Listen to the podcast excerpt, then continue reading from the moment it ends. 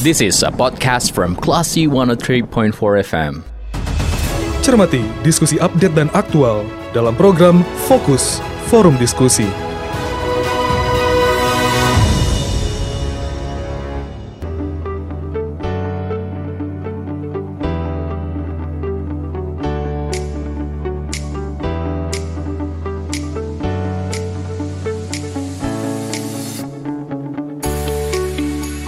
...103,4 kelas FM Kelas People kembali di program Fokus. Masih bersama saya Lia Priyanka. Orang tua banyak yang kebingungan ya kelas People Kalau mereka ingin membeli obat sirup anak Pasca banyaknya anak-anak yang terkena gagal ginjal akut. Kira-kira apa tipsnya? Dan bagaimana membedakan info hoax dengan info resmi dari BPOM? Saya sudah tersambung dengan Kepala BB POM Padang Ada Bapak Abdul Rahim. Selamat sore Bapak Selamat sore Mbak Lia. Gimana kabarnya Selamat Pak? Sore. Eh, Alhamdulillah baik sehat. Pak, eh, beberapa waktu belakangan ini banyak daftar obat sirup yang dilarang dikonsumsi, kemudian keluar lagi daftar obat sirup yang boleh dikonsumsi. Kemudian beredar lagi nih daftar obat sirup yang dilarang beredar, dan ini ada di grup-grup eh, WhatsApp biasanya ya Pak ya.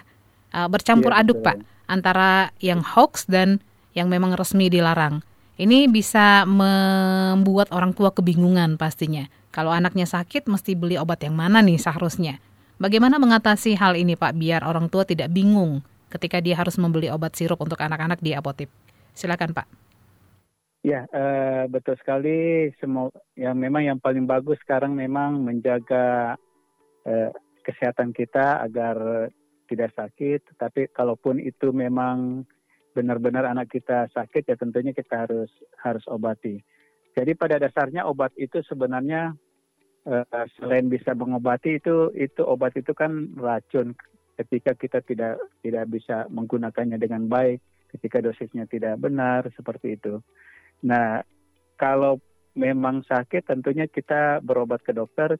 Kalau mau karena obat itu kan ada obat bebas, ada obat bebas terbatas dan ada obat yang harus dengan eh, resep dokter seperti itu. Kalau untuk flu ringan, pilek, demam, ada beberapa obat bebas yang bisa digunakan oleh ibu-ibu. Nah, tentunya eh, ada daftarnya di apotek, di toko obat yang eh, sudah dirilis oleh BPOM terkait obat yang aman digunakan selama memang itu sesuai dengan eh, dosisnya seperti itu. Ah, Oke baik. Ah, jadi untuk orang tua yang ya, membutuhkan obat sirup buat anak-anaknya biar mereka tidak bingung, di mana seharusnya melihat ah, daftar obat-obat sirup ini, ah, Pak Abdul? Ya, eh, benar sekali. Sebenarnya obat ini sudah dirilis di Badan POM ada beberapa, ada cukup banyak sekarang dan itu bisa meliputi termasuk demam, batuk, flu bagi da- bagi anak-anak. Namun bagi ibu-ibu nih kalau memang pengen tahu di mana yang yang benar, kita buka saja di websitenya Badan POM, di situs resminya Badan POM, pom.go.id. Di situ ada klarifikasi Badan POM dan di situ ada ada daftar obat-obat apa yang yang aman digunakan seperti itu. Atau kalau memang agak sulit kita buka saja. Saya kira ibu-ibu sekarang semua sudah punya medsos. Mhm. Jadi kita bisa buka medsosnya Balai Besar POM di Padang, B, POM titik Padang. Di situ ada eh, infografis yang lebih sederhana. Dan di situ ada daftar-daftar obat yang bisa digunakan oleh para ibu-ibu buat anaknya seperti itu. Termasuk merek dagangnya ya Pak ya? Merek dagangnya ada, ada 194 obat sirup yang yang bisa digunakan aman selama itu sesuai dengan peruntukannya, sesuai dengan dosisnya. Seperti itu. Oke, baik.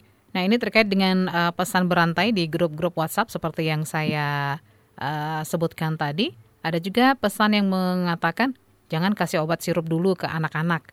Nah, apa tips dari Bapak sebagai kepala BB POM Padang uh, kepada pendengar Ya, kami eh, untuk membeli membedakan info hoax dengan info resmi dari BPOM, Pak? Iya, memang sekarang ini cukup banyak ya, eh, jadi numpang juga informasi-informasi tidak benar ataupun hoax. Eh, kadangkala itu obat-obat yang cukup familiar dengan kita ternyata eh, tidak boleh kata kata hoax seperti itu. Untuk untuk sebenarnya saya tips seder- sederhana kalau ada pesan berantai seperti itu, pertama lihat dulu sumbernya. Kemudian eh, bisa ditelusuri. Misalkan kalau di situ menyatakan dari Badan POM atau dari Kementerian Kesehatan itu kan punya situs resminya dan kita bisa bisa lihatlah, bisa ngecek kebenaran seperti itu karena memang di, boleh jadi ada ada semacam persaingan usaha menyampaikan merek-merek yang sebenarnya aman, eh, tapi di situ di, disampaikan misalkan jangan dulu minum sirup seperti itu. Saya kira kita harus melihat ke sumber dari situs resmi punyanya Badan POM atau Kementerian Kesehatan atau Ikatan Apoteker Indonesia dan itu bisa dengan mudah ditelusuri seperti itu. Berarti kita yang harus lebih proaktif sebagai masyarakat ya, Pak Abdul ya? Iya betul ya. Oke, Dan baik. kita juga bisa bisa meminta sebenarnya kalau di apotek itu kan ada penanggung jawabnya, ada apotekernya. Bisa kalau beli benarkah obat ini sudah bisa cukup aman seperti itu. Kita bisa gunakan juga hal-hal seperti itu. Oke, baik. Di Sumatera Barat sudah berapa obat sirup yang diamankan oleh BB POM Padang, Pak, yang ditarik eh, distributornya? Ya sebenarnya cukup banyak dan dan hari ini pun masih masih turun. Kalau dilihat jumlahnya mungkin sudah sudah ada dua ratusan ribu botol yang yang ditarik. Karena memang ini eh, jumlah yang ditarik ini kan bertambah karena ada kemarin kan ada terkait eh, beberapa pabrik obat yang diketahui melanggar diberikan sanksi oleh Badan POM terkait pencabutan sertifikat cara pembuatan obat yang baik sehingga meskipun produknya itu eh, aman tetapi bagian daripada sanksi administrasi oleh Badan POM ketika masuk di daftar eh, CPOB-nya fasilitas CPOB-nya itu harus ditarik juga seperti itu. Jadi yang yang yang di yang ditarik itu ada 69 macam tetapi tidak semuanya beredar di Sumatera Barat. Meskipun seperti yang kami sampaikan tadi eh, belum tentu tidak aman, tetapi bagian daripada sanksi dari Badan POM sehingga eh, ke 69 macam itu oleh pabriknya harus ditarik dan kita memantaunya seperti itu. Eh, bisakah Bapak menyebutkan nomor hotline eh, jika masyarakat melihat daftar eh, merek obat yang termasuk dalam daftar dilarang? Jadi mereka eh, masyarakat ini lebih proaktif untuk melaporkan ke BPOM, Pak. Iya, sebenarnya cukup sudah eh, sosialisasi cukup ya, terutama ketika ada informasi ini kami kan sampaikan juga ke Dinas Kesehatan, kemudian ke, kepada Ikatan Apoteker Indonesia, kepada GP Farmasi. Tetapi kalau memang masih bisa bisa disampaikan di di apa di melalui chat langsung di eh, Instagram kami biar biar kita bisa lihat di mana lokasinya sehingga kita bisa masyarakat bisa ikut eh, aktif memantau seperti itu. Berarti cukup melaporkan ke melalui akun Instagram ya, Pak ya? Iya bisa nanti kami bisa terutama kalau di Padang ini kan bisa lebih mudah kita kita pantaunya. Memang ada beberapa yang eh, eh, belum ditarik oleh pabrik tetapi kita sudah catat, sudah dibuat berita acaranya karena itu hanya masalah waktu petugas dari pabriknya kan terbatas tetapi sudah di hold istilahnya ditahan dengan jumlah tertentu kita buat berita acaranya dan itu dipisahkan dengan obat-obat lain yang boleh di, dijual seperti itu.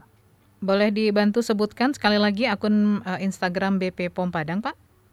Untuk BP POM Padang BPOM titik Padang cukup itu. Cukup itu saja ya, Pak ya? BPOM titik Padang oke. BPOM titik Padang. Jadi kalau Titik uh, Padang. Anda classy people mungkin menemukan Ya. merek yang termasuk dalam daftar dilarang dan uh, karena butuh waktu juga seperti yang disampaikan Pak Abdul untuk menarik semuanya di dari peredaran uh, apotek-apotek, Anda juga bisa membantu kerja BB POM Padang dengan melaporkannya melalui akun Instagram ya Pak Abdul ya.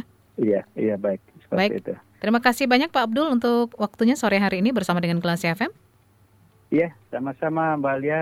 Eh, sehat selalu buat pemirsa juga. Baik buat Bapak juga selamat sore, selamat beraktivitas kembali Pak Abdul.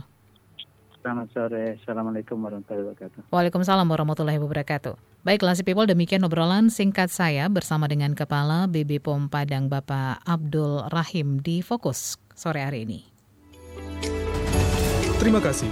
Anda baru saja mencermati forum diskusi Onion Classy FM.